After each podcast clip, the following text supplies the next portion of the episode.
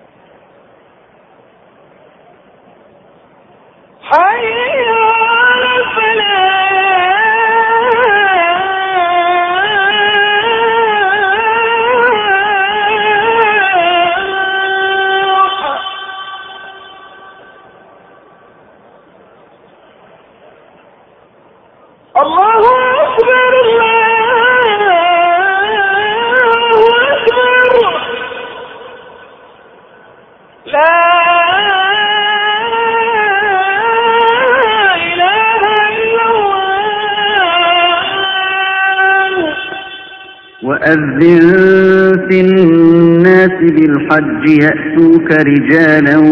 وعلى كل ضامر يأتين من كل فج عميق ليشهدوا منافع لهم ويذكروا اسم الله في أيام معلومات على ما رزقهم من بهيمة الأنعام فكلوا منها فكلوا منها وأطعموا البائس الفقير ثم ليقضوا تفتهم وليوفوا نذورهم وليطوفوا بالبيت العتيق أوغيسي دفك حجك waxay kuugu imaan doonaan lug iyo iyagoo fuushan fog xoodan kasta. Waxay ku imaan doonaan tub kasta oo fog si ay u gutaan xaj. Waa si ay ugu yimaadaan waxyaalo manaafacaad u leh. Waa ajarka uu leeyahay xajka aakhirada iyo wax manaafacaad iyo kasab adduun ah oo laga helo ganacsiga lagu dhex sameeyo iyo wax la mid a oo ugu xusaan magaca alle maalmo cayiman maalmaha tobanka iyo kow iyo tobanka iyo laba iyo tobanka iyo saddex iyo tobanka bisha xajka bisha carafo. Korkooda duunyada nicmooleyda ah uu alle ku irsaaqay hadyi ahaan wakhtiga gowracooda iyagoo dhahaya bismi illaah yacni ku gowracid magaca alle. Wallahu akbar yacni allabaa weyn. Allaahuma minka wa ilayk. Yacni allow adigaana siiyey adigaana magacaaga iyo xuskaaga ku gowracda markaasi wax ka cuna waxna ka siiya faqiirka dhibaataysan. Dabadeedna ha dhammaystireen waajibyada la caddeeyey ee xajka manaasik alxaj oo ha oofiyeen nadiradooda hana ku dawaafeen beydka hore kacbada maka ku taal.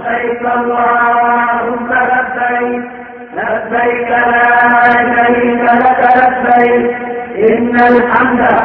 wnicmata laka لا شريك لك لبيك اللهم لبيك لبيك لا شريك لك لبيك إن الحمد والنعمة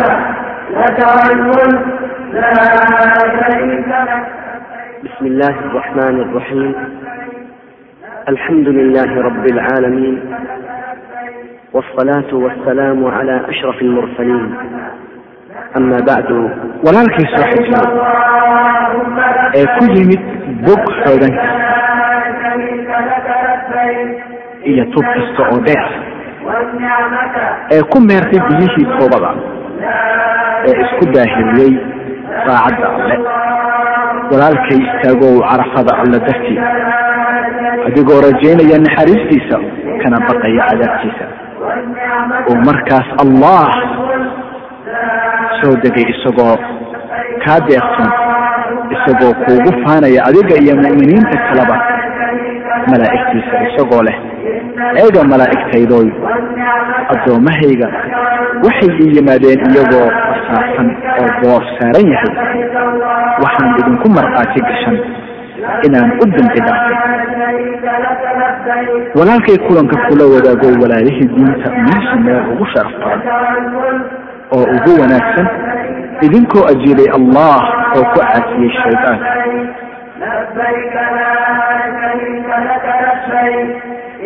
walaalkay dunida gadaashiisa soo oo cagtiisa hoostiisa ka yeelayo aakhiradana qalbigiisa ee u yimid allah isagoo toobadkeen ah daacad u ah khushuucsan u hoggaansan allah isuna dhiiray alle rabbiga caalamiinta. Adigoo ku dhawaaqaya dhawaaqa daa'imka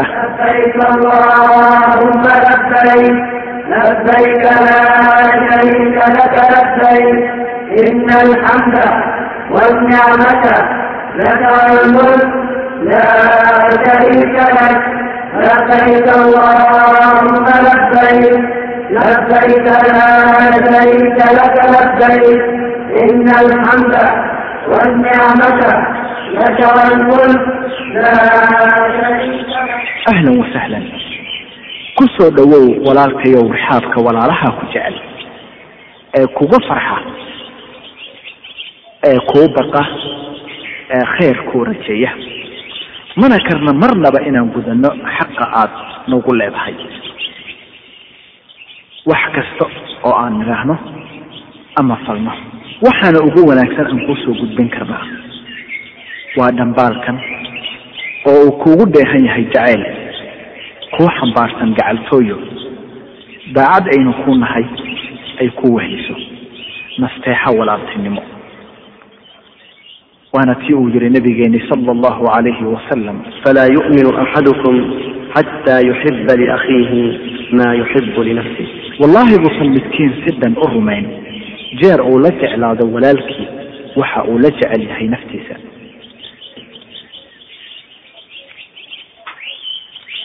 Walaalkay soo xajiyow maxaa nala gudboon xajka dabadii maxaa xiga xajka? Ma waxaynu u noqonaynaa wixii aynu ku jirnay oo dunuub iyo alla ku caasina iyo dhoohnaan iyo maahsanaan ma waxaynu u noqonaynaa dembiyadii iyo alla ku caasintii ma waxaynu u noqonaynaa xumaanihii aynu geli jirnay iyo khaladaadkii naga dhici jiray. Ma waxaynu ku laabanaynaa xumaanihii aynu samayn jirnay. Mise waxaynu noqonaynaa inagoo isa saxnay oo u hoggaansanay alla weyne jalla wacala allana kula ballannay oo wacad kula galnay inaan u hoggaansanaano oo ku dhaqanno waxa uu ina amray kana reebtoonaano oo ka joogno waxa uu naga reebay oo alle uga run sheegno u noqoshadeenna kitaabkiisa qur-aanka iyo ku dhegideenna sunnada rasuulkiisii sala allahu calayhi wasalam walaalkay soo xajiyow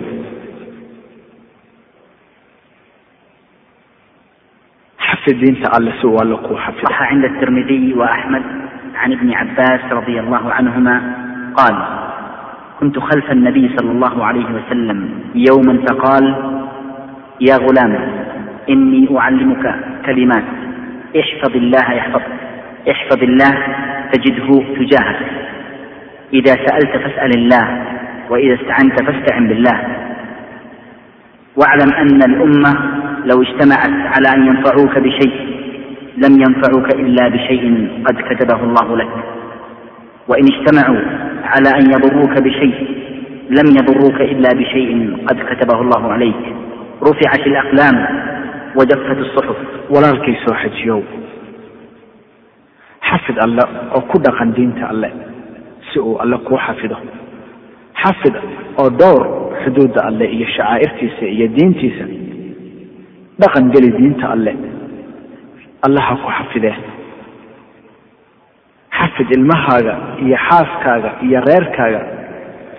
xafid walaal oo ku dhaqan diinta alle si uu alle kuu xafido xafid maqalkaaga iyo araggaaga iyo carabkaaga xafid diinta alle ha ku xafide wuxuu ku xafidayaa alle adduun iyo aakhiraba xafid oo ku dhaqan diinta alle alle ha ku xafide wuxuu kuu xafidayaa diintaada iyo iimaankaaga iyo naftaada iyo ehelkaaga iyo maalkaaga iyo waxa uu ku siiyey oo dhan. Xafid diinta alle ha ku xafide. Walaalkay soo xajiyow. Xafid diinta alle allah ha ku xafide. Xafid alle shacaa'irtiisa. Waxaana ugu weyn oo ugu sharaf badan fariidada salaada tawxiidka kadib waayo waa tan kala saarta iyo xadka u dhexeeya gaalnimada iyo islaamka. Gudashada salaadana waa calaamad muujinaysa taqwo iyo alla kacabsi iyo hanuun ka tegiddeedana waa calaamad muujinaysa habow iyo hodnaan salaadu waa xiriirka ka dhexeeya addoonka iyo rabbigiis kolka haddii laga taga xidhiirkii go allana dan uma gelaya meeshii iyo toggii uu ku halaagsamo qofka aan tukan. Wuxuu yidhi jaabir radia allahu canhu samictu rasuula allahi sala allahu alayhi wasalama yaquul ina bayna alrajuli washirk wاlkufr tarku الصلاة. rawaahu muslim waxaan maqlay rasuulkii alle sala allahu calayhi wasalam oo leh waxaa qofka ka xiga shirkiga iyo gaalnimada ka tigidda salaada muslim baa wariyey xadiiska buraydna radia allahu canhu wuxuu yihi qaala rasuulu اllahi salى اllahu عalayhi wasalam alcahd اladii baynana wa baynahum الصalaaة faman tarakaha faqad kafar رواه الترمذي والنسائي بسند صحيح. wuxuu yidhi rasuulkii alle sala allahu calayhi wasalam ballanteennu waa salaada qofkii ka taga waa gaal waa xadiis saxiixa waxaa soo wariyay tirmidi iyo nasaa-i wuxuu ugu goodiyey qofkii dhayarsada oo wax ka dhima khushuuceeda oo wax ka dayaca tiirarkeeda iyo waajibyadeeda gooraan waktigeeda ahaynna tukada isagoo tukanahaya wuxuu kii sidaa oo kale ah ugu goodiyey hoog iyo halaag iyo ciqaab adag iyo cadaab xanuun badan.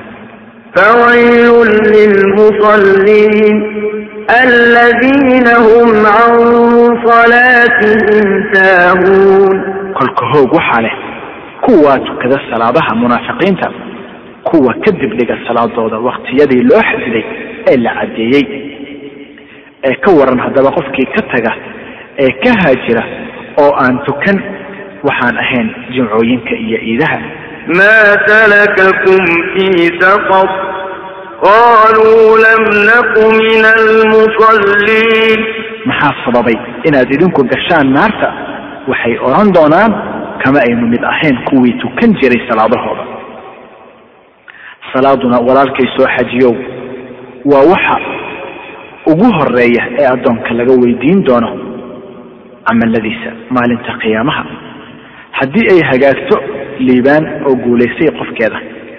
waxayna u ahaanaysaa isaga nuur iyo xujo iyo ka nabadgelid cadaabta maalinta qiyaamaha. Qofkiisa fududaysta oo dhayarsada gudashadeeda hoog oo khasaar. Waxaana lala soo kulmin doonaa haamaan iyo fircoon iyo qaaruun iyo umayat ibni khalaf. Wuxuuna aakhirada ka mid ahaan doonaa kuwa la dufeeyey sidaa awgeed waxay ahayd dardaarankii ugu dambeeyey ee nebiga sala allahu calayhi wasalam markii ay naftu ka sii baxaysay isagoo sakaraadkii mowdku hayo wuxuu lahaa oo ku celcelinaya dardaaran ahaan war hooy salaada war hooy salaada iyo haweenka ay gacantiinu midig hanato حافظوا على الصلوات والصلاة الوسطى وقوموا لله قانتين u xafida si dhan oo dhowris iyo daryeel badan leh. Shanta salaadood ee faralka ah. Weliba gaar ahaan salaada dhexe macnaha waa tan u sii wanaagsan waa salaada casarka. Oo u istaaga alle hortii idinkoo adeecsan oo ha la hadlina cid kale inta aad ku jirtaan salaadaha marka ha la ogaado salaada oo jamaca muslimiinta ragga ha kula tukadeen muslimiinta masaajidda dumarkana guryahooda ha ku tukadeen oo ha ku oogeen salaadaha si wanaagsan walaalkii soo xajiyow xafido ku dhaqan diinta alle si uu alle kuu xafido. Xafid haweenkaaga oo xafid xaaskaaga iyo gabdhahaaga iyo walaalooyinkaaga iyo haweenkaaga oo idil.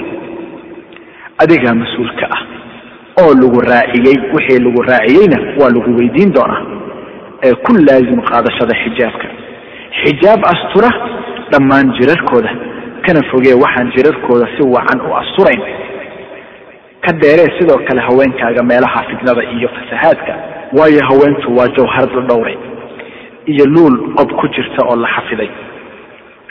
oo waa inay u soo gacan fidin gacan ku cayaarta iyo dad xun indhahana ku taagin. Waa inuusan eegin ilmid la jiran munaafiqnimo iyo dhilaysi jacayl wuxuu yidhi allah kor ahaaye يا أيها النبي قل لأزواجك وبناتك ونساء المؤمنين يدنين عليهن من جلابيبهن ذلك أدنى أن يعرفن فلا يؤذين وكان الله غفورا رحيما nebiyow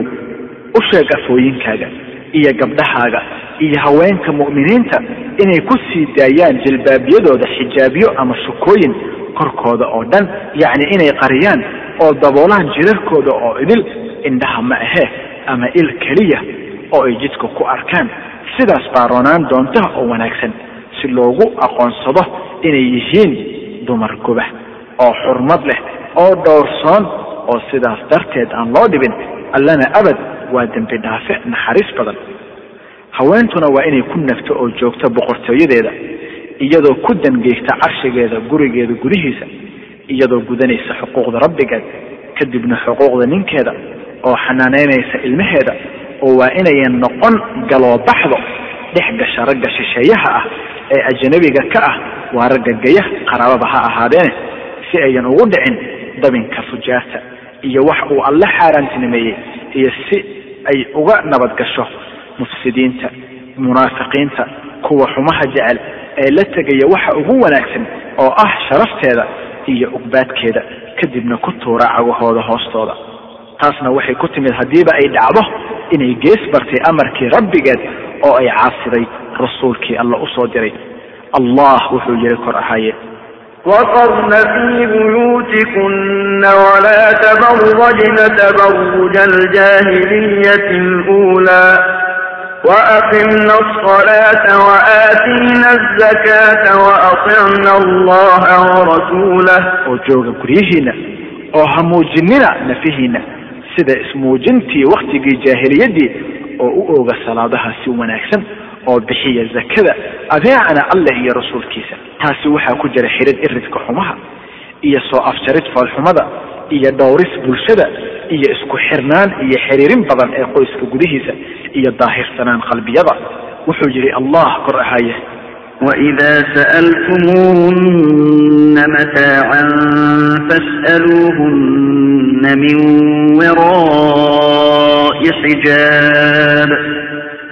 ذلكم أطهر لقلوبكم وقلوبهم oo markii aada weydiisaan xaasaskiisa waa xaasaska nebiga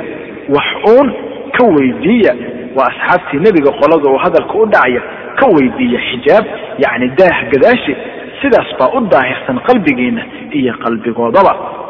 ee miyaynu ajiibaynaa walaalkay soo xajiyow yeeridda rabbigeen iyo rasuulkiisa sala allahu calayhi wasalam si aan u xijaabno yani ka qarinno haweenkeenna oo ka asturno ragga ajaanibta ah innagoo ka dhowrayna rugaha xumaha iyo tuhunka wuxuu yidhi allah kor ahaye wman yuطc illaha warasuulahu faqad faaza fawzan cadiima keena kastoo adeeca alleh iyo rasuulkiisa sala allahu alayhi wasalam wuxuu xaqiiq gaaray liibaan weyn. Macnaha waa waxaa laga badbaadin doonaa naarta dabka aan damayn ah oo laga yeeli doonaa inuu gala jannada. Mise waxaynu qaadi doonaa jidka gaalada aan rajayn alleh iyo daarta aakhirada oo dhar khafiifa iyo duruuc aan dhab waxa u asturayn ku eegana haweenkayaga timo faydan iyo laab iyo luqun iyo gacmo qaawan iyo wax la mida oo sidaa sharafteenna ku baabi'ina oo kiirada isaga dilna oo xishoodka iyo xushmada meel isaga tuurna. Walaalkii soo xajiyow xafid oo ku dhaqan diinta alle si uu alle kuu xafido. Dhowr oo xafid iimaankaaga ogow inuusan alle kuu abuurin dheel iyo cayaar. Uusan kaaga tagi dooninna bilaash wuxuu yidhi allah kor ahaaye. Afaxasibatum annamaa khalaqnaakum cabatan waannakum ilayna laa turjacuun فتعالى الله الملك الحق لا إله إلا هو رب العرش الكريم. Ma waxaad moodaan inaan idiin abuurnay cayaah ujeedda la'aan oo aan la idiin soo celinayn xagga yaga ee allaha kor ahaado boqorka runta ah laa ilaaha ilaa huwa cidina xaq uma leh in la caabudo aan ahayn isaga rabbiga carshiga sharafta leh ee sarreeya korka wuxuu alle kuu abuuray ujeeddo weyn iyo xil ballaaran taasoo ah inaad caabuddo u hoggaansanaato mididin iyo addoon u ahaato taasoo uu ka deeqsoon yahay adigana aada baahi daran u qabto wuxuu yidhi allah kor ahaye وما خلقت الجن والإنس إلا ليعبدون ما أريد منهم من رزق وما أريد أن يطعمون. إن الله هو الرزاق ذو القوة المتين. وأنيك الله uma aan abuurin jinka iyo insiga waxaan ahayn inay caabudaan aniga keliya kama dalbo wax risiqah iyaga. Yacni risiq aan siiyo iyaga naf ahaantooda ama uuminkayga oo mana weydiista inay iquudiyaan waa quudiyaan iyaga naf ahaantooda ama uumankayga xaqiiqdii allah isaga ah irsaaqaaga awoodlaha xooga badan. Kolka sharafteedaa ka weyn oo meeqaamkeedaa ka wanaagsan inaad addoon u ahaato allah sida uu allah jecel yahay wuxuu yidhi nin gabya ah waxaa sharaf ii kordhiyay iyo jaah oo aan darajo sare ku dareemay inaan soo galay allow qoolkaaga yaa cibaadii addoommadaydow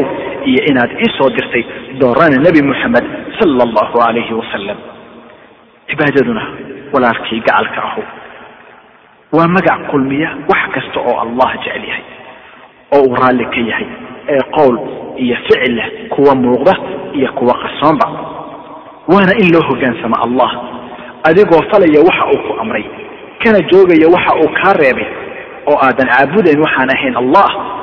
Allah laguma caabudi kara waxaan ahayn wixii uu ku jideeyey dariiqii rasuulkiisii sala allahu calayhi wasalam waxaana ka mida xuquuqda addoonnimada ee ah meeqaamka ugu sharaf badan ee addoonka inuu alle addoon u ahaado.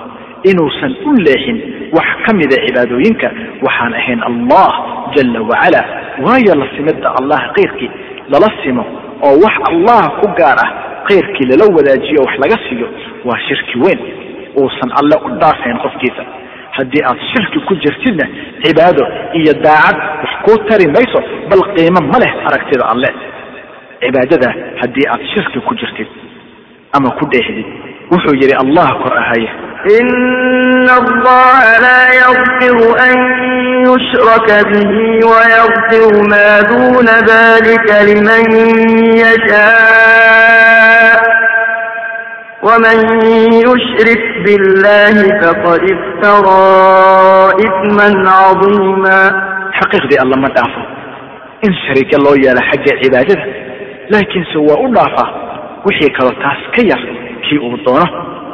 waxaana ka mid a waxyaalaha shirkiga ah ee ku faafay degaanada muslimiinta waa qabuurtan ee la aado oo la caabudo loona muraad sheegto la jirka alle ee laysku tirtiro diirarkeeda oo la dhunkado gidaaradeeda. Ay dadka dul yoobsadaan iyagoo booyahaya oo baryahaya iyagoo leh waa ziyaaradii ow hebel ama awowe hebel iyo wax la mida waxaad arkaysaa wayo wayeh iyagoo caabudaya qubuurta oo ku hareersan iyagoo ka doonaya gallad iyo deeq meydka iyo raallinimo iyo in musiibadahooda laga fududeeyo.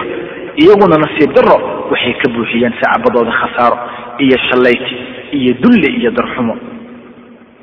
Wuxuu yidhi allah kor ahaayo waman adallu miman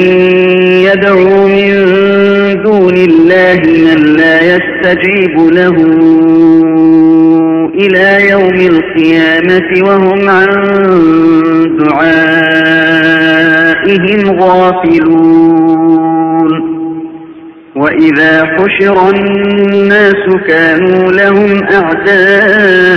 أعداء وكانوا بعبادتهم كافرين oo yaa ka dhunsanaan badan midka isagu u dhawaaqda yacni tuuga oo barya alle la jirkiisa midaan wax jawaab ah aan u soo celin doonin ilaa maalinta qiyaamaha oo kuwo ah weliba moog oo ka warla dhawaaqyadooda yacni tuugmadooda iyo baryadooda oo markii dadka la isu keeno maalinta qiyaamaha waxay ilaahyada beenta ahi u noqon doonaan cadowye iyaga oo dafiri doonaan caabudidoodii haddii aada yaabtana waxaa yaab leh qowlkooda iyo ka dhoohnaantooda rabbigooda iyo abuurahooda iyo mudanahooda ee gacantiisa ay ku jirto furayaasha wax waliba amarkiisuna u dhaxeeyo kaaf iyo nuun waa kun fayakuun inamaa amruhu idaa araada shay-an an yaquula lahu kun fayakuun xaqiiqdii amarkiisu markii uu doono wax waa oo keliya inuu ku yidhaahdo waxaa ahow waana ahada waxay qulubtooda ku xidhantay meydad rahan u ah acmaashooda. Laga gudi doona afcaashoodii la kulmay wixii ay hormarsadeen aan naftooda u hanan karin dheer iyo dhib iyo mowd iyo nolol iyo soo bixin. Midna wuxuu yidhi allah kor ahaye wlaa tadcu min duuni illahi ma laa ينفعك ولا يضرك فإن فعلت فإنك إذا من الظالمين وإن يمسك الله بضر فلا كاشف له إلا هو وإن يردك بخير فلا راد لفضله يصيب به من يشاء من عباده وهو الغفور الرحيم oo hala baryan alla la jirkii waxna aan wax ku tari doonin waxnana ku yeeli doonin laakiinse haddii masalan aad sidaa yeesho waxaad hubaashii ka mid noqon doontaa dhaalimiinta mushrikiinta iyo xumaanfalayaasha oo haddii uu alle uu kugu taabta dhib ma jiraan cid kaa faydi kartaa isaga ma ahee oo haddii uu kula doono khayr ma jiraan cid awoodda inay kaa celiso galladiisa. Uu sababo inay gaarto ciddii ka mida addoomihiisa oo uu doono isagaana alle ah dembi dhaaf badanaha naxariista badan. Ee fiiri ilaahay hanoo wada kordhiya cilmi iyo hanuun iyo aragtisan sida cibaadadii alle uu lahaa loogu leexiyey qubuurta. Waxaad arkaysaa iyadoo loo tukanahayo xaggooda ama iyaga oo lagu dawaafayo sidii kacbadii oo la dul yoobsan yahay oo la dhunkan lana taabsan oo ciiddeeda wejiyada la marsan oo la caabudayo ehlu qubuurka oo hiil la warsanayo iyo oofin muraad iyo gargaar iyo caafimaad iyo carruur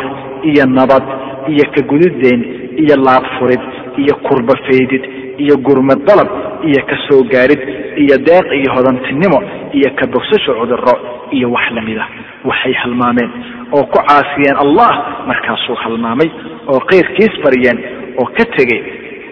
oo ka tegey oo isu daayay iyaga iyo waxooda markaasi waxay la guddoomeen khasaaro weyn iyo khayr darro badan wuxuu yidhi alle kor ahaye قل أفرأيتم ما تدعون من دون الله إن أرادني الله بضر هل هن كاشفات ضره إن أرادني الله بضر هل هن كاشفات ضره أو أرادني برحمة هل هن ممسكات رحمته قل حسبي الله عليه يتوكل المتوكلون bal ii sheega haddaba waxyaalaha aada la gees iyo barbar baridaan allah haddii allah ila maago xoogaa dhiba ma kari lahaayeen inay saaraan waxyeeladiisa ama haddii uu isagu allah ila maago xoogaa naxariisa ma kari lahaayeen inay celiyaan naxariistiisa dheh waxaa igu filan allah waa in isaga kuwaa tala saarta waa mu'miniinta ay saartaan taladooda oo ay isku hadleeyaan. Walaalkay soo xajiyow. Xafido ku dhaqan diinta alle si uu alle kuu xafido. Xafid caruurtaada waa sidaasi xafid caruurtaada oo bar aadaabta islaamka iyo dabeecadii iyo habdhaqankii rasuulkii alle sala allahu calayhi wasalam alle waa weydiin doonaa qof waliba wixii mas'uulka looga dhigay oo la raaciyey haddii uu xafiday ama haddii uu dayacayba oo ka dheeree ilmahaaga rugaha fasahaadka oo ka dhowr meelaha fidnada oo ku xaydaan rifqad iyo saaxiibo wanaagsan kana dhowr saaxiibada xun oo ka yeel inay dusha ka qaybaan qur'aanka oo bar sunnada nebiga sala allahu calayhi wasalam oo fahansii diinta u soo iibi kutubta iyo cajaladaha diinta islaamka ka hadlaysa. Baahida ay u qabaan diinta ayaa ka weyn tay u qabaan cuntada iyo cabitaanka waayo waa u dulqaadan karaan gaajo ma saxmili karaan naarta dabka aan damayn ah ee alle u diyaarshay xumaantalayaasha ka dhoohan oo aan ku dhaqmin diintiisa. Waxay ilmaha ku abaabaan wixii ay waalidkood ku barbaariyaan waana hadba wixii ay jeclaysiiyaan oo ay ku hanaqaadiyaan. Wuxuu yidhi allah korahaye ya ayuha aladiina aamanuu أنفسكم وأهليكم نارا وقودها الناس والحجارة وقودها الناس والحجارة عليها ملائكة غلاظ شداد لا يعصون الله لا يعصون الله ما أمرهم ويفعلون ما يؤمرون kuwa xaqa rumeeyow ka dhowra nafihiina iyo qoysaskiina dab waa naarta shidaalkeedu yahay dad iyo dhagaxaan naarta ay u xisaaran yihiin malaa'ig qalqallafsan oo ad adag oo aan caasiyin fulinta amarada kaga yimaada xag alleh laakiinse oo keliya fala wixii la amro walaalkay soo xajiyow xafido ku dhaqan diinta alleh si alle kuu xafido xafid araggaaga. Waa sidaasi xafid xubinta aada wax ku eegto. Oo ha sii dayn araggaaga. Adiguu ku eegaya. Waxa alle uu kaa xaaraantinimeeyey. Oo ha ku raacraacin ceeb qof muslima. Waayo qofkii raacraaca ceebaha qof muslima allabaa raacraaca ceebihiisa. Qofkiina uu alla raacraaco ceebihiisa wuu fadeexayaa xitaa isagoo jooga gurigiisa gudihiisa. Hana ku eegin indhahaaga. Haween aada geydo. Ee ka mid a haweenkaa xunxun ee dhaqankii jaahiliyada haysta ee xooray maradii xishoodka ee iska qaaday xijaabkii ee qaawiyey qaar ka mida jirarkoodii oo noqday kuwa u loogan mid kasta oo wax fiiriya haweenka oo dhar xiran misna qaawan. Waa kuwa duruucda iyo wax lamida xirta ee qaybo jirkooda ka mida uu muuqdo ama kulligoodba ee ah kuwa xaqa ka leexday waxna ka leexiya. Kuwa sidaasa ma geli doonaan ayuu yidhi nabigeennii sala allahu calayhi wasalam jannada carafteedana ma heli doonaan ha raacin fiiro fiiro kale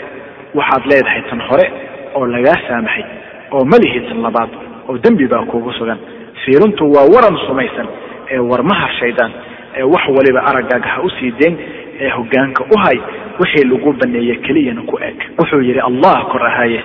قل للمؤمنين يغضوا من أبصارهم ويحفظوا فروجهم ذلك أزكى لهم إن الله خبير بما يصنعون oo u sheeg mu'miniinta inay ka laabaan araggooda fiirinta waxyaalaha la reebay sida dumarka shisheeyaha ka ah yacni ay geyaan oo ka ilaaliyaan geedahooda xubnahooda gaarka ah galmoodka xaaraanta ah zinada dhilaysiga iyo wax la mida sidaas baa u hufan xaqiiqdii allah waa u xogogaal waxa ay sameeyaan. Dhacdooyin badan waxay ku bilowdeen kolkii hore hal fiiro. Kadibna maxaa xigay? Allah kuu magan. Dabka waaweynba wuxuu ka unkamay dhimbila yaryar walaalkay soo xajiyow. Xafidu ku dhaqan diinta alle si uu alle kuu xafido. Xafid caqligaaga iyo caafimaadkaaga oo ha ku waxyeeleen maanduuriyayaasha iyo jilciyayaasha iyo darowooyinka oo ha ugu dhammeen khamri cabid qaad cunis iyo waxyaalaha la midka ah ee quranka ah. Wuxuu yidhi allah kor ahaaye. Ya ayuha aladiina aamanuu inama alkhamru wاlmaysiru wاlanصaabu wاlazlaam والأنصاب والأزلام رجس من عمل الشيطان فاجتنبوه لعلكم تفلحون إنما يريد الشيطان أن يوقع بينكم العداوة والبغضاء في الخمر والميسر ويصدكم ويصدكم عن ذكر الله وعن الصلاة فهل أنتم منتهون kuwa rumeeyow khamrada iyo qamaarka iyo sanamada iyo baktiyaa nasiibku waa qurun camal shaydaan ah ee ka fogaada aada liibaantaane shaydaan wuxuu rabaa oo keliya inuu idinku dhex dhigo colaad iyo isnaac khamrada iyo qamaarka idinkana jeediyo xusida alleh iyo salaada ee miyadu haddaba ka hareen allena wuxuu ku karaameeyey bani aadamka caqligan oo uu kaga duway makhluuqaadka kale ee muxuu haddaba kaa kharibaya u kharibi waayaabe abi darda radia allahu canhu wuxuu yidhi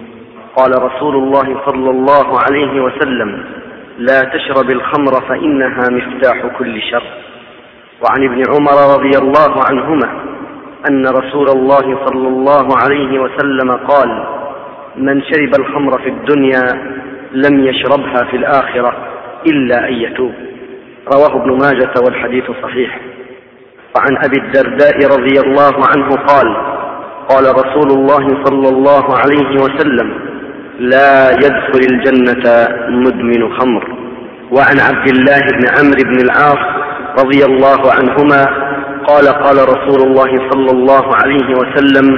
من شرب الخمر وسكر لم تقبل له صلاة أربعين صباحا وإن مات دخل النار فإن تاب تاب الله عليه وإن عاد فشرب فسكر لم تقبل له صلاة أربعين صباحا فإن مات دخل النار فإن تاب تاب الله عليه وإن عاد فشرب فسكر لم تقبل له صلاة أربعين صباحا فإن مات دخل النار فإن تاب تاب الله عليه وإن عاد كان حقا على الله أن يسقيه من ردغة الخبال يوم القيامة. قالوا يا رسول الله وما ردغة الخبال؟ قال عصارة أهل النار. صحيح ابن ماجه. rasuulkii alla sala allahu calayhi wasalam wuxuu yidhi ha cabbin khamro waayo khamradu waa furaha shar kasta ibnu cumarna radia allahu canhuma wuxuu yidhi qofkii ku cabba khamri adduunka kuma cabbi doona aakhirada inuu intuu adduunka jooga ka toobad keenay maahe ibna maaja ayaa wariyey. Abi darda radia allahu canhu wuxuu yidhi rasuulkii allah sala allahu calayhi wasalam wuxuu yidhi ma geli doono janno qofkii khamriye caba cabdullaahi bni camr bni caasna radia allahu canhuma wuxuu yidhi rasuulkii allah sala allahu calayhi wasalam wuxuu yidhi qofkii caba khamri oo sarqaama lagama aqbalaya salaad afartan subaxood. Haddii uu dhintana wuxuu geli doonaa naar haddiise uu toobad keeno alla waa ka aqbali toobadiisa. Haddiise uu u laabto oo uu cabo oo sarqaamo lagama aqbalaya salaad. Afartan subaxood haddii uu sidaa ku dhinto wuxuu geli doonaa naar. Haddii uu toobad keeno alle wuxuu ka aqbali doonaa toobadiisa. Haddii uu u laabto oo cabo oo sarqaamo lagama aqbalaya salaad. Afartan subaxood haddii uu sidaa ku dhinto wuxuu geli doonaa naar. Haddiise uu toobad keeno alla wuu ka aqbali doonaa toobadiisa haddiise uu u laabto waxa xaq ku ah alleh inuu ka waraabiyo radqati khabaal maalinta qiyaamaha. Waxay yidhaahdeen rasuulkii allow sala allahu calayhi wasalam waa maxay radqatu lkhabaal wuxuu yidhi waa milasha iyo madaxda ehlunaarka ibni maaja ayaa wariyey walaalkay soo xajiyow xafido ku dhaqan diinta alleh si alle kuu xafido xafid maqalkaaga oo ha ku dhagaysan wax alla xaaraantinimeeyey oo iska jir dhagaysiga wax kastoo eray xumo ah iyo hadalka kiisa xun waayo adigu ma lihid dhagahaaga oo waa tabalcaaro lagaa ceshan doona iyo nicmad la eegi doona sida aad uga faa'iidaysato. Waana lagu weydiin doonaa sida aad ka yeeshay maalinta la kulanka allah subxaanahu wa tacaala wuxuu allah yidhi kor ahaaye إن السمع والبصر والفؤاد كل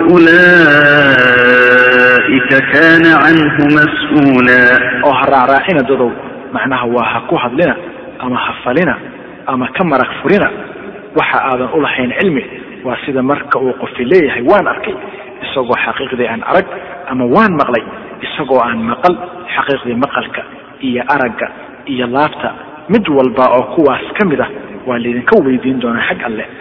kana digtoonow walaalkayow digtoonaan dhan inaad u raarracayso maqalkaaga heesaha xun iyo myuusiga wax fasahaadiya waayo waxay kaa hor istaagayaan xusidda alle oo ku dhaashdhaashayaan waxyaalaha xaaraanta ah iyo foolxumooyinka oo waxayna kugu yeeri fisaq iyo faajirnimo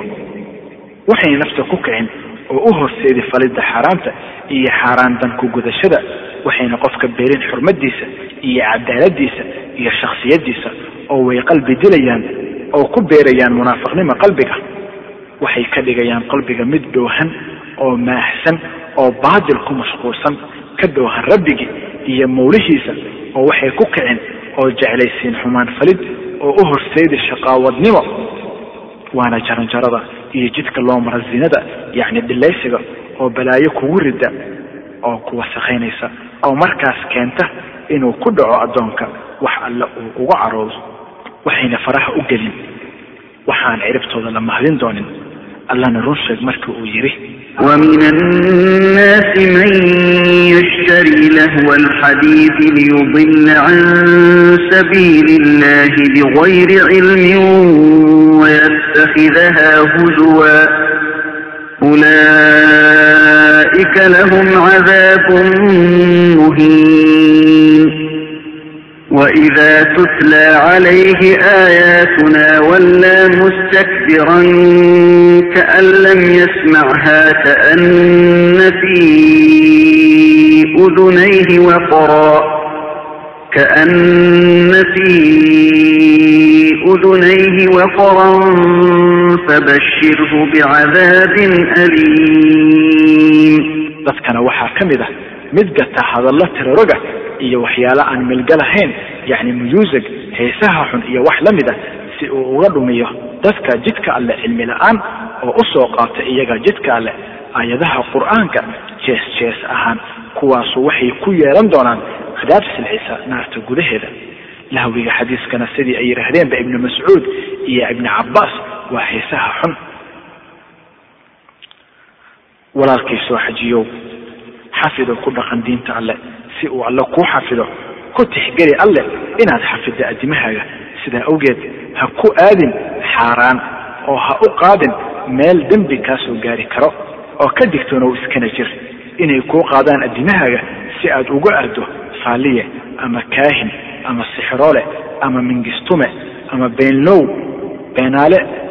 kuwa sheegta. Inay wax ka og yihiin cilmi qaybka cilmiga waxyaalaha daahan. Isagoo sidaa kaaga dhacaya maalkaaga khiyaano oo ku dumin diintaada been oo ku xadi caqligaaga iyo sharaftaada qish iyo isweydaarin iyo laqdabo waxay xadiid ku soo xadaan wax la xiriira qaybka iyagoo maqalka u raariciya hadalka malaa'igta. Saa waxaa lagu soo ganaa gantaallo dhimbilo daba oo laysa mid mid baa ka fakada oo inta kelmad soo maqlay sagaashan iyo sagaal beenood raaciya. Shayaadiinta insigana u soo gudbiya. Ama waxay u loogaan naftooda shayaadiinta insiga shayaadiinta jinka ah si ay ula kaashadaan waxa ay doonayaan. Kolka ma banaana in la aado iyo in wax la weydiiyo iyo in la rumaysto. Rawa muslimu fi صaxiixih ana nabiya sala اllahu alayhi wasalama qaal man ataa caraafan fasalahu can shay lam tuqbal lahu salaatu arbaciina yowma muslimu fi صaxiixihi ana nabiya sala اllahu alayhi wasalama qaal man ataa caraafan fasalahu can shay lam tuqbal lahu salaatu arbaciina yowma wuxuu yidhi rasuulkii alla sala allahu calayhi wasalam qofkii u yimaada faaliye ama caraaf wax sheega oo wax weydiiyo lagama aqbali doono salaad afartan maalmood muslim baa wariyey abu hurayra radia allahu canhu wuxuu yidhi وعن أبي هريرة رضي الله عنه عن النبي صلى الله عليه وسلم قال من أتى كاهنا فصدقه بما يقول فقد كفر بما أنزل على محمد صلى الله عليه وسلم rasuulkii alla sala allahu calayhi wasalam wuxuu yidhi qofkii u yimaada faaliye ama kaahin oo rumaysta waxa uu sheego wuxuu ku gaaloobay wixii lagu soo dejiyey nebi moxamed sala allahu calayhi wasalam walaalkay soo xajiyeyow haddii uu hanuunku taabto ama cudurku helo ama aada jirato alla macin weydiiso gacantiisa ay ku jirto caafimaadka أمن يجيب المضطر إذا دعاه ويكشف السوء ويجعلكم خلفاء الأرض أإله مع الله قليلا ما تذكرون muusan isagu ka wanaagsaneyn ilaahyadiina kan ajiibo kan dhibanaha ah markuu u yeerto allah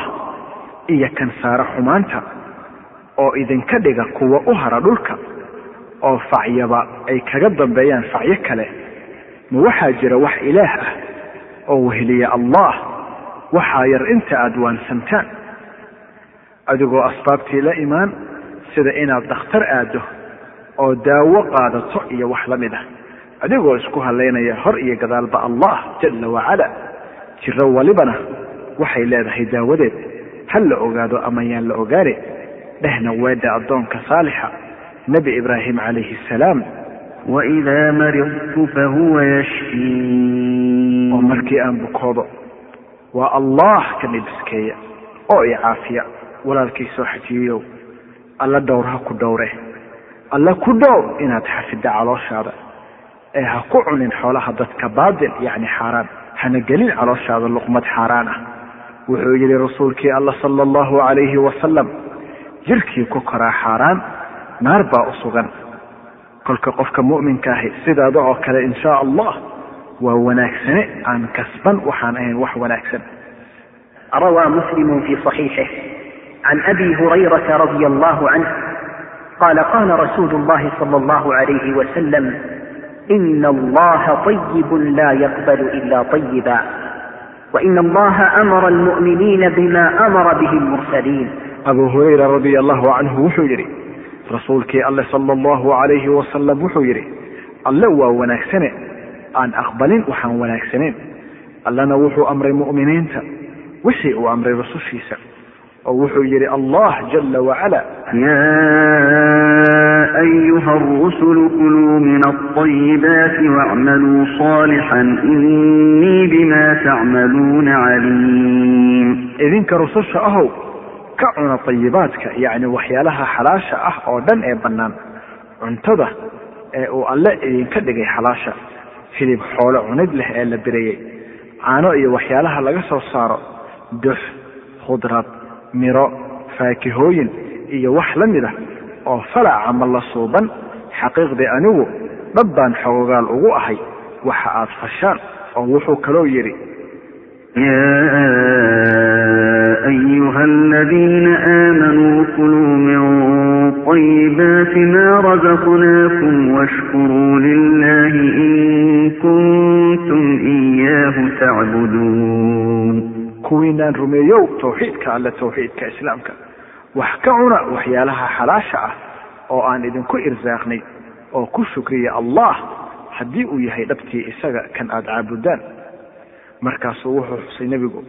nin u safar badan jihaad basaas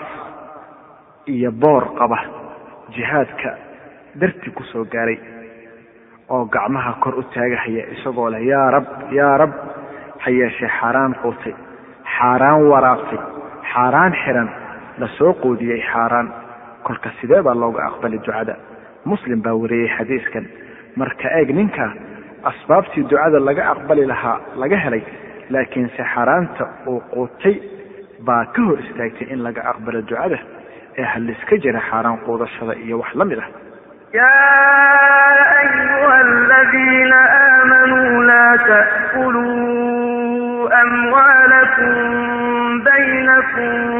بالباطل. لا تأكلوا أموالكم بينكم بالباطل إلا أن تكون تجارة عن تراض منكم. kuwa rumeeyow ha ku kala cunina xoolihiina dhexdeenna xaqdarro inay ahaato mahe ganacsi dhexdeenna ah aad raalli isaga tihiin oo ha cunina maalka agoonta. Ina aladiina yakuluuna amwaala alyataama dulman inamaa yakuluuna fii butuunihim naaran wasayaslawna saciira xaqiiqdii kuwa xaqdarada ku cuna maalka agoomaha waxay ku cunaan oo keliya caloolahooda dab waxaana lagu gubi iyo gamaarin doonaa naarta ololka badan oo ha ku qaadan xoolo laaluuf waayo wuu nacladay rasuulkii alle sala allahu calayhi wasalam laaluush bixiyaha iyo laaluush qaataha iyo kan ka dhex shaqeeya oo ha ku kasban xoolo riba. Ribadu waa toddobaatan iyo dhowr nooc oo wada dembi ah. Tan ugu fudud waa sida qof u tegay oo ka zinaystay hooyadiis allabaynu ka magangelaya qofna ribo ma qaato oo kuma dhaqmo ilaa ciribtiisu waa baaba iyo bal aan jirin يمحق الله الربا ويربي الصدقات والله لا يحب كل كفار أثيم alla wuu dulmin doonaa ribada macnaha waa gurin oo barakada ka qaadi doonaa ribada waana bullaalin doonaa sadaqada macnaha kordhin oo barakeen waxyaalaha samafalka ah zakada sadaqada iyo wax la mid ah oo maal kuma nuqsaamo zako ama sadaqo laga bixiyey laakiin waa ku bullaalaa oo bataa oo barakoobaa allana ma jecla gaalada dembiilayaasha. Ee ha noqon mid dagaal kula jira alle dhulkiisa korkiisa iyo samadiisa hoosteeda iyo mulkigiisa. Adigoo ah addoon ka mida addoomihiisa oo ku nool risiqiisa يا أيها الذين آمنوا اتقوا الله وذروا ما بقي من الربا إن كنتم مؤمنين فإن لم تفعلوا فأذنوا بحرب من الله ورسوله وإن تبتم فلكم رؤوس أموالكم لا تظلمون ولا تظلمون kuwa rumeeyow ka cabsada allah oo ka taga waxa idiin haray oo aad leedihiin oo ribada ah hadda iyo wixii ka dambeeya haddii aad tihiin run ahaantii mu'miniin haddii aydan falinna markaas dagaal ku talagala idinka yimaado allah iyo rasuulkiisa laakiinse haddii aad toobad keentaan waxaad yeelan doontaan lafihi maalkiina. Ha u dhaqmina si dulmi ah oo ah inaad weydiisataan wax dheer lafihi maalkiina. Idinkana la idinlama dhaqmi doono. Si cadaalad darro ah oo dulmi ah oo ah inaad qaadataan wax ka yar lafihi maalkiina. Ee iska jir oo ka digtoonow walaalkay muslimka ahow dhabooyinka xaaraanta oo ka dheerow shubahaadka waxyaalaha shakiga iyo mugdiga ku jiro inay bannaan yihiin iyo in kale oo hagaaji quudkaaga si ducada lagaaga aqbalo tawfiiqda lagu waafajiyo caafimaad iyo cimri dheer iyo cibaado suuban lagu siiyo. Iyo si aad ugu hesho jawaab su'aasha weyn maalinta aada istaagi doonto adigoo keli ah qaawan alle hortii markaasaa lagu weydiin doonaa maalkan. Ma waxaad ku qaadatay si sharci ah oo bannaan oo hagaajisay dalabkiisa iyo kasabkiisa iyo inaad ku xafiday markii aad heshay meel bannaan bangi aan ribo ku dhisneen oo islaami ah iyo wax la mid ah. Mana ku bixisay markii aad bixinaysay jid bannaan. Qofku kama dhaqaaqi doona fagaaraha maalinta qiyaama jeer la su'aalo afar waxyaalood waxaana ka mid a afartaa su'aalood. Su'aasha ah maalkiisa halka uu ka kasbaday iyo meesha uu ku baxshay. Walaalkay soo xajiyayow dhowr allaha ku dhowre. Alla ku dhowr inaad xafidda carabkaaga waa xubin yar laakiin dembi weyn. Allana wuxuu kuu xilsaaray malaa'ig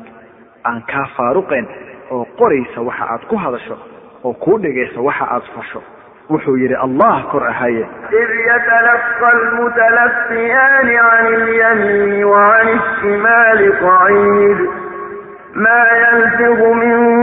qawlin ilaa ladayhi raqiibun casiid xus in labada xilqaadayaal malaa'igta wax qoraysa qaadaan xilka ruux kasta lab ama dhadig kuu ahaado markii uu baaliqo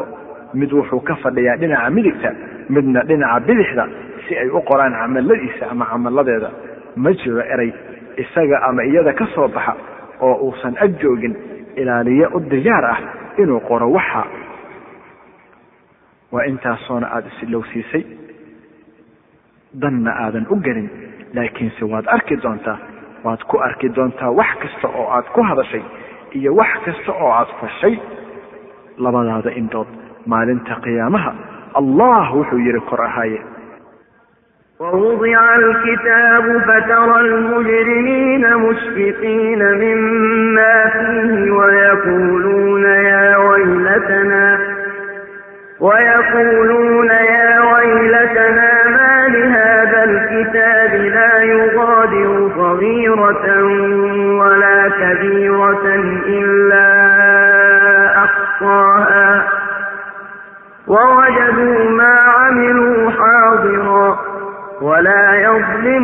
rabbuka axada. Kitaabkiina qof kasta wixii u qornaa oo camalkiisa ah waxaa laga saari doonaa gacantiisa midig mu'minkii rumeeyey tawxiidka alleh iyo gacanta bidix kan ku gaaloobay tawxiidka alleh. Waxaadna arki doontaa mujrimiintii dambiilayaashii mushrikiintii gaflowyadii xaqdiidyadii iyo wax la mid ah oo ay kaga buuxda cabsi. Waxa ku yaal kitaabkooda camalkooda uu ku dhigan yahay waxay odhan doonaan hoogayaga innaga muxuu leeyahay kitaabkan? Aan dhaafayn wax yar iyo wax weyn inuu ku koobay tira ahaan ma ahe waxayna heli doonaan wixii ay camal faleen oo hortooda yaal rabbigaana. Qofna ulama dhaqmo si dulmi ah. Ee ka digtoonow inaad ku hadasho wax ku murugo iyo tiraanyo gelin doono inaad ku aragto diiwaankaaga maalinta qiyaamaha kolka ha ku hadlin xan iyo nadiibnimo iyo hadal jees jees ah iyo aflagaado iyo afxumo ha durin qof muslim ah. Ha lacnadin oo habaarin qof mu'min ah. Qofka mu'minka ahi ma aha mid dura ama habaara ama mid ceebaha walaalihii ka hadla ama mid afxun oo wax aflagaadeeya muslimna waa qofkii ka nabadgeliya muslimiinta carabkiisa iyo gacantiisa wuxuu yidhi rasuulkii alle sal llahu alayhi wasalam qad qaala rasuulu llahi sal llahu alayhi wasalam من damina lii maa bayna lixyayh wamaa bayna fakhidayh wamintu lahu ljanna qofkii ii damaanad qaada inuu ka dhowrayo xaaraan waxa labadiisa dhaban dhexdooda ah yacni waa carabkiisa iyo waxa ah labadiisa boodiyood yacni waa geedkiisa waxaan u damaanad qaadayaa janno ee iska jir gasaska carabka iyo hadalka ka fiirsara'aanta loo yidhaahdo ma waxaa dadka loogu ururin doonaa naarta weji weji wax kale aan ka ahayn wixii ay geysteen carabyadooda darteed waxaana ugu weyn gafafka carabyada inaad ku dhaarato waxaan ahayn allah kor ahaye sama banaana ee in lagu dhaarto waxaan ahayn allah kor ahaye oo waa nooc ka mid ah shirkiga yar.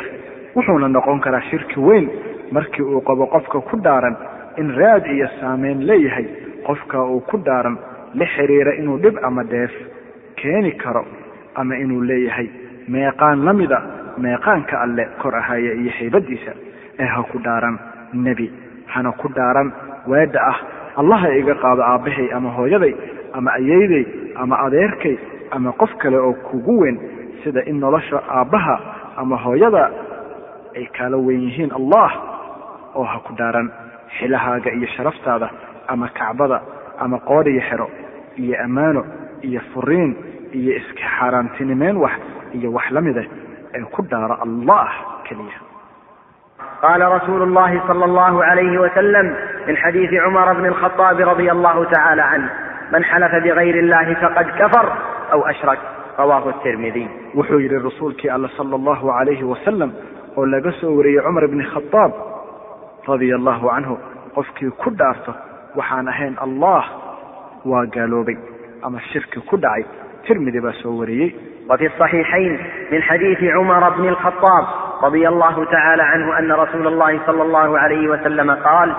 إن الله ينهاكم أن تحلفوا بآبائكم فمن كان حالفا فليحلف بالله waxaana ku yaal saxiixeynka oo laga soo wariyey cumar bni khadaab radia allahu canhu in rasuulkii alla sala allahu calayhi wasalam yidhi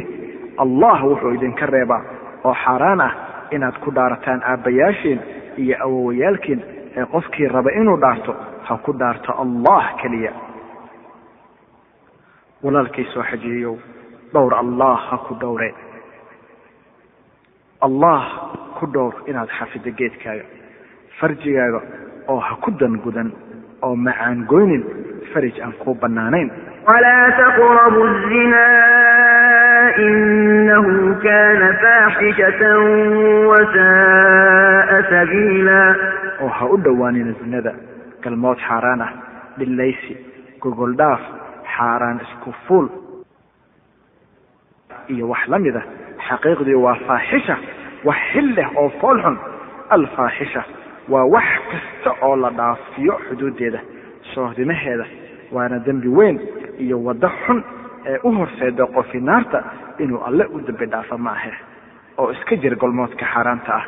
zinada iyo dhilaysiga iyo waxa keena oo qofka u horseeda iyo wax kasta oo ku ridi kara oo wax la fiirsado leh sida aflaanta xun ama wax la dhagaysto sida heesaha iyo muusika ama wax la akhristo sida wargeysyada iyo majallaadka xun oo ka mid noqo kuwa xafida geedahooda wladiina hm lfuruujihim xaafiduun. إلا على أزواجهم أو ما ملكت أيمانهم فإنهم غير ملومين فمن ابتغى وراء ذلك فأولئك هم العادون oo ah kuwa ilaaliya ugbaadkooda dhowrsanaantooda macnaha waa ka ilaaliya xubnahooda gaarka ah geedahooda zino dhilaysi galmo aan bannaaneen ka mid ah xaasaskooda ma ahe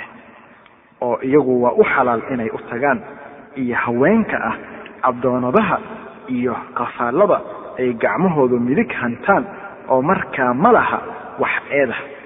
Laakiinse kii kastoo doona wax intaas dhaasiisan marka waa iyaga kuwa ah xadgudbayaasha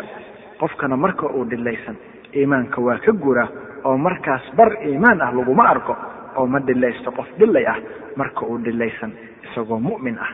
wladiina laa yadcuuna maca allahi ilaahan aakhara walaa yaqtuluuna annafsa alatii xarama allahu ila bilxaqi walaa yaznuun waman yafcal dalika yalqa ataamaa يضاعف له العذاب يوم القيامة ويخلد فيه مهانا iyo kuwa aan u yeerin baryin ilaah kale wuxuu ahaadaba alle la jirki aan ku dilin nafta uu xaraameeyey alle waxaan ahayn xaq aanna zinaysan galmood xaaraan ah aan la imaan dhilaysi gogol dhaaf kii kastoo falaa waxan wuxuu la kulmi doonaa cadaabta cadaabta waa loo laalaabi doonaa isaga maalinta qiyaamaha oo wuxuu ku waari doonaa dhexdeeda isagoo dufaysan. Waxaana ku yaal bukhaariga iyo muslimka sifada ciqaabidda dhiliyada iyo dhilooyinka iyo sida alla u ciqaabi doono. Sifada cadaabtooda oo ku soo aroortay xadiiska samurat bna jundub radia allahu canhu oo yidhi wuxuu yidhi rasuulkii alla sala allahu calayhi wasalam waxaan riyo ku arkay habeenkii tegey laba nin oo inta ay ii yimaadeen ii kaxeeya dhulka muqadaska ah ee qudus falastiin markaas buu wariyey xadiiska waxaana ka mid ahaa xadiiska waxaan ku nimid wax la mooda sida tinaar afkiisu ciriiri yahay salkiisuna ballaaran yahay oo salkiisa dab ka imanayo. Olol badan mise waxaa ka yeeri tinaarka gudihii buuq iyo qayle iyo sawaxan. Wuxuu yidhi sawaan eegnay mise waxaa ku jira rag iyo haween qaawan mise waxaa uga imanaya holac hoostooda markii uu soo gaaro ololkaas oo guba jirarkooda isagoo ka soo bilaabaya halka hoose iyo xubnihii ay xaaraanti ku faleen bay markaas af labadii yeeraan oo ay qaylshaan kuleelka daran dartii kadib wuxuu ku yidhi dhammaadka xadiiska raggii iyo haweenkii qaawanaase ee ku jiray wixii tinaarka la mooday iyagu waa dhilayadii iyo dhilooyinkii fartiin fartiin fartiin. Fartiin kugu socota adiga walaashay muslimadda ahay. Tii ku raali noqotay alla rabbi ahaan islaamkana diin iyo dhaqan ahaan. Muxamedna sala allahu calayhi wasalam nebi iyo rasuul ahaan. Tii alle uu ku darajeeyey islaamka oo kor yeelay miiqaamkeeda uumanka dhexdood. Tii barbaarinta noo haysay iyo ababinta facyada kala duwan ee geesiyaasha aan biqin soo saarta. Tan ay ku soo qaadeen ololaha kuwa xorriyadda beenta ah sheegta ee fasahaadka fidiya ee isku dayay intii karaankooda ah inay ka leexiyaan jidka hanuunka oo ku ridaan jidka habowga iyo jahwareerka fartiin ku socota walaashay muslimadda ah ahaataya hooyo ama walaaley ama zawjad yacni afar ayaan u hibaynaynaa fartiintan kooban. Fartiin ku socota gabadhii islaamka iyo sharafta tii ku hanuuntay islaamka raalliyad iyadoo ah ee diiday waxaan ahayn dambe islaam. Luushii aada loo xafiday oo laga ilaashashada faraxumaynta acdaada iyo ku cayaaridda ardaasha oo ayaantan ay la doonayaan xumaan iyo ceeb. Goftiyey ay la doonayaan inay u bedelaan gun. Aragti reer galbeed leh. Magaceeduse yahay soomaali. Miyay isku mid yihiin walaaley mid sharfan. Uu rasuulkii alla yahay imaamkeeda daa'im iyo abad. Iyo mid kaloo uu oday u yahay abulahabi iyo tan faadumata zahraa ay u tahay uswad iyo tusaale iyo tu kaloo haysa jidkii xamaalat alxatabi ee danha u gelin waxa ay soo tuuraan oo shaki iyo shubho ah. Waxaad leedahay caqli haddii aad kaashato. Waxaad leedahay caqli haddii aad kaashato oo u yeerto ku ajiibi. Weydii aniga yaan ahay. Yaa ehel ii ah. Yaan ku abtirsadaa. Magaalo urley mise islaam iyo soomaali. Yaan siin codkayga. Yaa la xiilkayga yaan u shaqayn. Ma allah mise kuwa ugu yeera dadka fisiqa iyo fasahaadka iyo foolxumada iyo beenta xaggee baanan ka geli dunidan kacsan. Ma madaxa mise daba ayaan noqdaa? Waa laba dhaba walaalay aan lahayn mid saddexaad ee khayr shaqayso oo ku dadaal dhabaha rabbiga. Qur'aanka uu manhajkiisa yahay waa ilays iyo nuur xag alle ah aan qarsoomin. Ku socodkiisa baa lagu helaa sharaf iyo cizo adduun iyo aakhiraba. Maalinta iilkana laga soo saari doonana meel noqod wanaagsan noo ahaan ee goosdabeedka ku qabso xarigga iimaanka oo iskala weynow wasaqda ay kugu yeeraan fujaarta iyo ardaasha oo ka dheerow xumaan iyo fisiq waayo xumaantu waa daacuun iyo cadho fida oo sharteeda wax baabi'isa ogow xisoodkaaga ogow ugbaadkaaga asturnaantaada xijaabkaaga ogow salaadaada soonkaaga bixi zakadaada sidii diintaada ku dadaal samaha adeec ninkaaga daryeel carruurtaada oo xanaanee oo alle u sabar oo ajar ka sug oo digtoonoow weligaa oo daa'im daacad u ahow iyo rasuulkii alleh sala allahu calayhi wasalam walaalkiisa oo xajiyow waxaa nala gudboon dhammaanteen. Oo la joogaa waktigii aan u toobadkeeni lahayn allah oo aan u noqon lahayn. Qofka toobadkeenka ahina waa xabiib gacal ah allana ka agdow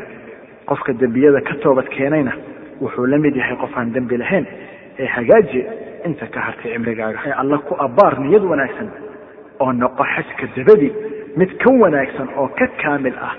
sidii aad ahayd xajka hortii oo ku toosnow manhajka alle oo laazim ah marada alle kor ahaye oo ajiib allah iyo rasuulkiisa sala allahu alay يا أيها الذين آمنوا استجيبوا لله وللرسول إذا دعاكم لما يحييكم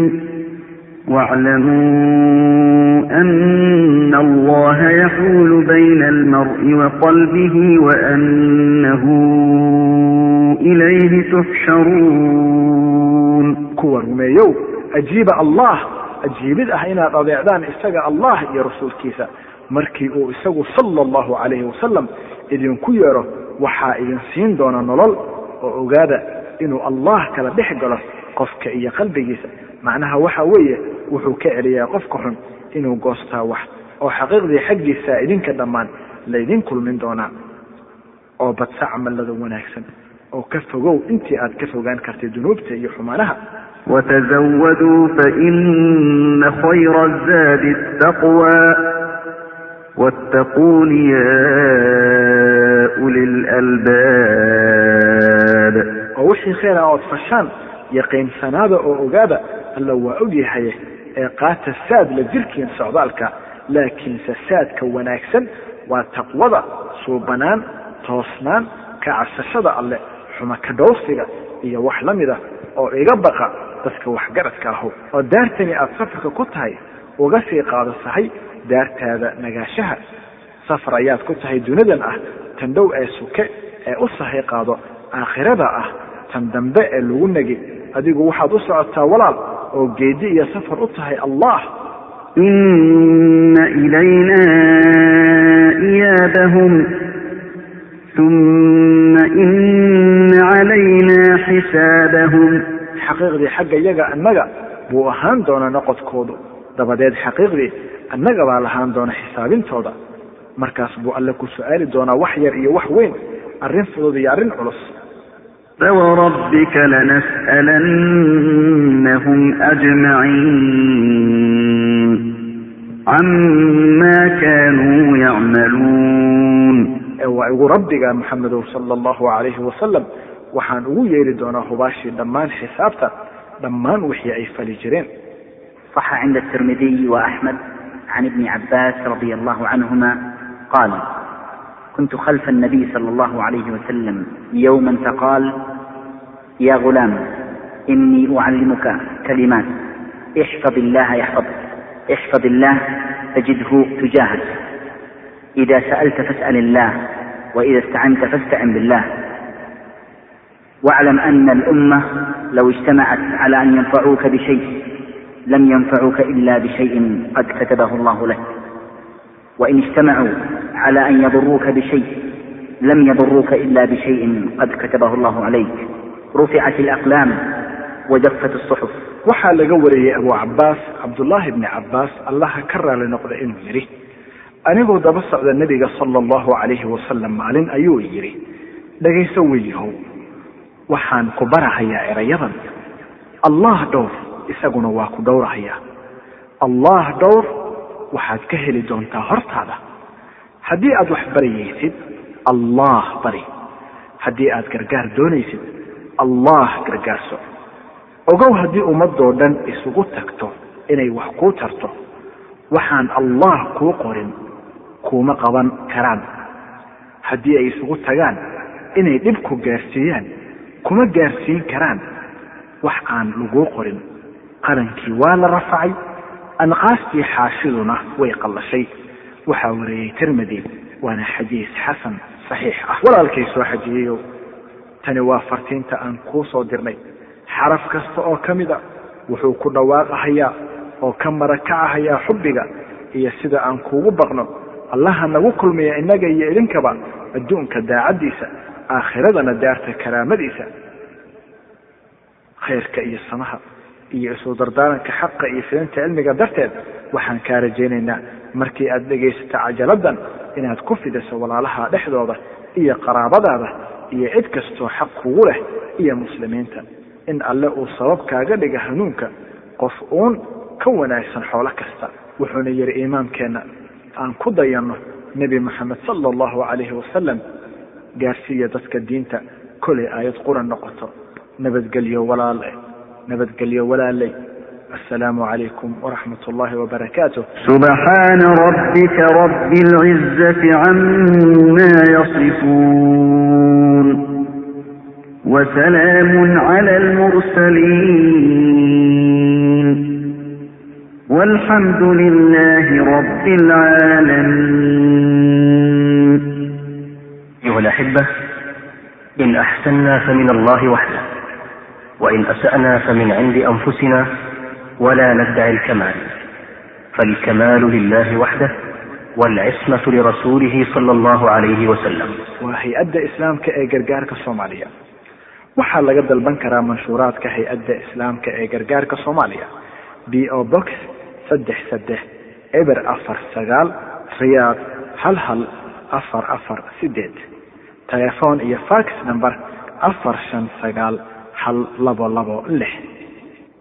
أعوذ بالله من الشيطان الرجيم بسم الله الرحمن الرحيم قد أفلح المؤمنون الذين هم في صلاتهم خاشعون والذين هم عن اللغو معرضون والذين هم للزكاة فاعلون والذين هم لفروجهم حافظون إلا على أزواجهم أو ما ملكت أيمانهم أو ما ملكت أيمانهم فإنهم غير ملومين فمن ابتغى وراء ذلك فأولئك أولئك هم العادون والذين هم لأماناتهم وعهدهم راعون والذين هم على صلواتهم يحافظون أولئك هم الوارثون الذين يرثون الفردوس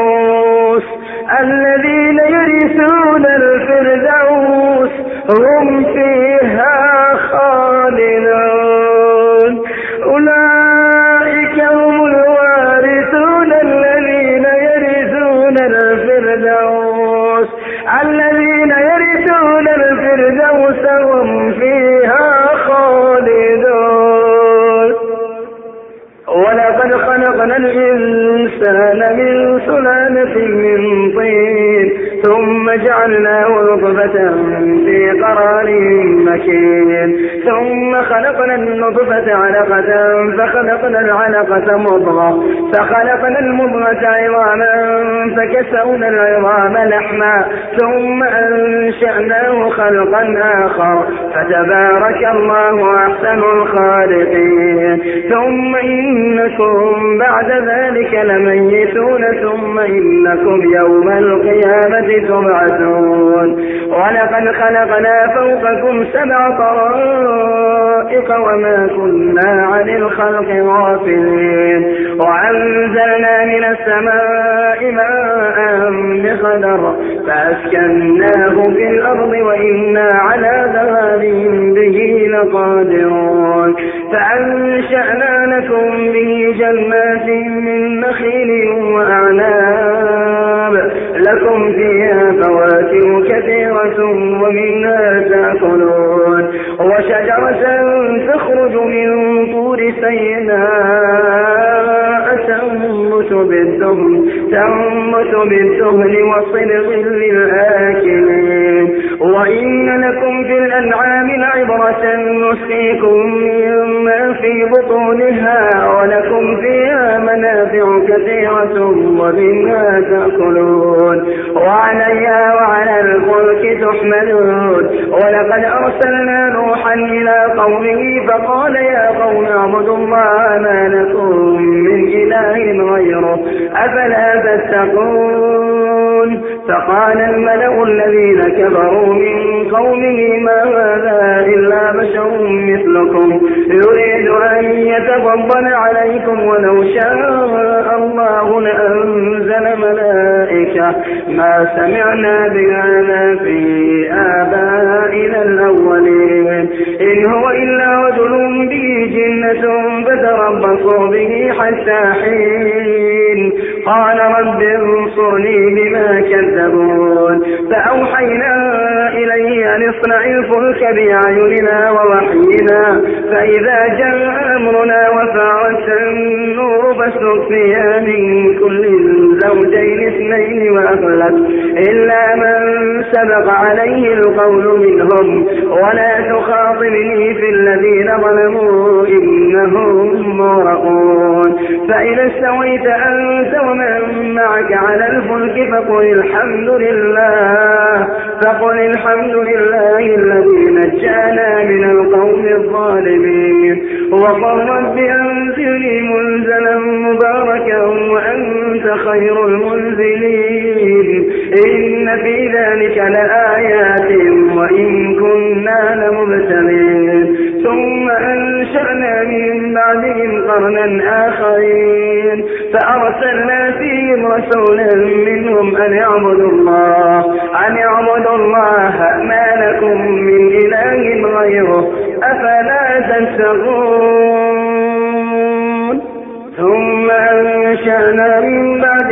رسلا آخرين فأرسلنا فيهم رسولا منهم أن يعبدوا الله ما لكم من إله غيره أفلا تتقون وقال الملأ من قومه الذين كبروا وكذبوا بلقاء الآخرة وأسرفناهم في الحياة الدنيا ما هذا إلا بشر مثل ربكم يأكل مما تأكلون منه ويشرب مما تشربون ولئن أطعتم بشرا مثلكم إنكم إذا لخاسرون أيعدكم أنكم إذا متم وكنتم ترابا وعظاما أنكم مخرجون هيات هيات لما توعدون يموتون إن هي إلا حياتنا الدنيا نموت ونحيا وما نحن بمبعوثين إن هو إلا رجل افترى على الله كذبا وما نحن له بمؤمنين قال رب انصرني بما كذبون قال عما قليل ليصبحن نادمين فأخذتهم الصيحة بالحق فجعلناهم غثاء فبعدا للقوم الظالمين ثم أنشأنا من بعدهم قرونا آخرين ما تسبق من أمة أجلها وما يستأخرون ثم أرسلنا رسلنا تترى كلما جاء أمة رسولها كذبوه فأتبعنا بعضهم بعضا وجعلناهم أحاديث فبعدا لقوم لا يؤمنون ثم أرسلنا موسى وأخاه هارون يأتون بآياتنا وسلطان مبين إلى فرعون وملئه فاستكبروا وكانوا قوما عالين فقالوا أنؤمن لبشرين مثلنا وقومهما لنا عابدون فكذبوهما فكانوا من الملكين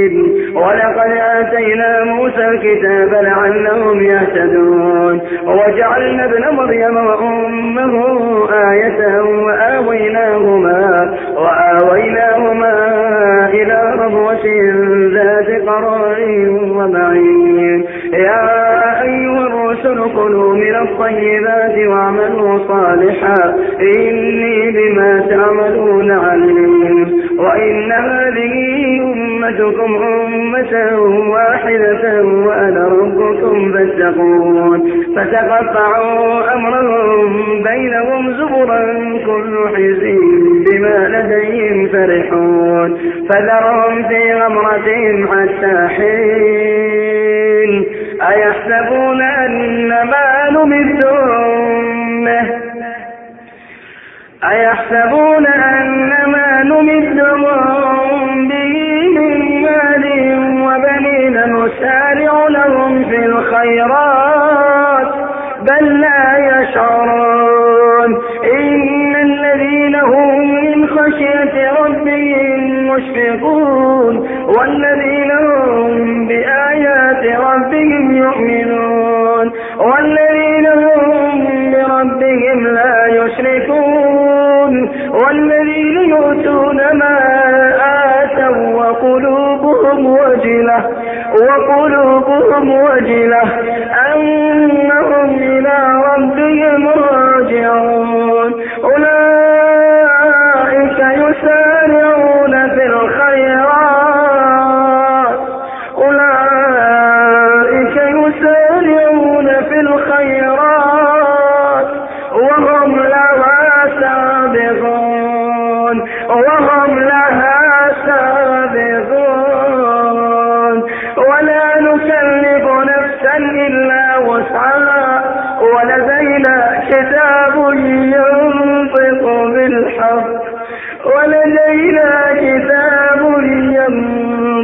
بالحق وهم لا يظلمون بل قلوبهم في غمرة من هذا ولهم أعمالهم من دون ذلك هم لها عاملون حتى إذا أخذنا مسرفيهم بالعذاب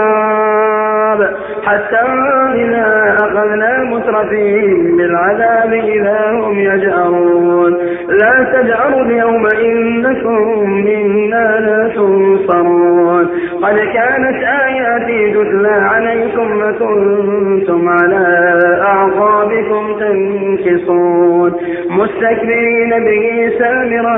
تهجرون أفلم يدبروا القول أم جاءهم ما لم يأت آباءهم الأولين أم لم يعرفوا رسولهم فهم له منكرون أم يقولون به جنة بل جاء أولياءهم بالحق وأكثرهم للحق كارمون ولو استمع الحق أهواءهم لفسدت السماوات والأرض ومن فيهم بل أتيناهم بذكرهم فهم عن ذكرهم معرضون أم تسألهم خرجا فخراج ربك خير فخراج ربك خير وهو خير الرازقين وإنك لتدعوهم إلى صراط مستقيم وإن الذين لا يؤمنون والكافرون بالآخرة عن الصراط لناكبون ولو رحمناهم وكشفنا ما بهم من ضر لنجوا في طغيانهم يعمرون ولقد أخذناهم بالعذاب ولقد أخذناهم بالعذاب فما استكانوا لربهم وما يتضرعون حتى إذا فتحنا عليهم بابا عذاب شديد إذا هم فيه مبلسون وهو الذي أنشأ لكم السمع والأبصار والأفئدة قليلا ما تشكرون وهو الذي ذراكم في الأرض وإليه تحشرون وهو الذي يحيي ويميت وله اختلاف الليل والنهار أفلا تعقلون بل قالوا مثل ما قال الأولون قالوا أئذا مثنا وكنا ترابا وعظاما أئنا لمبعوثون لقد وعدنا نحن وآباؤنا هذا من قبل إن هذا إلا أساطير الأولين قل لمن الأرض ومن فيها إن كنتم تعلمون سيقولون لله قل أفلا تذكرون قل من رب السماوات السبع ورب العرش العظيم سيقولون لله قل أفلا تتقون قل من بيده ملكوت كل شيء وهو يجير ولا يجار عليه إن كنتم تعلمون سيقولون لله قل فأنا تسحرون بل أتيناهم بالحق وإنهم لكاذبون ما اتخذ الله من ولد وما كان معه من إله إذا لذهب كل إله بما خلق ولعلى بعضهم على بعض سبحان الله عما يصفون عالم الغيب والشهادة فتعالى عما يشركون قل رب إما تريني ما يوعدون رب فلا تجعلني في القوم نقوم الظالمين وإنا على أن نريك ما نعدهم لقادرون ادفع بالتي هي أحسن السيئة نحن أعلم بما يصفون وقل رب أعوذ بك من همزات الشياطين وقل رب أعوذ بك من همزات الشياطين وأعوذ بك رب أن يحضرون حتى إذا جاء أحدهم الموت قال رب ارجعون حتى إذا جاء أحدهم الموت قال رب ارجعون لعلي أعمل صالحا فيما تركت حتى إذا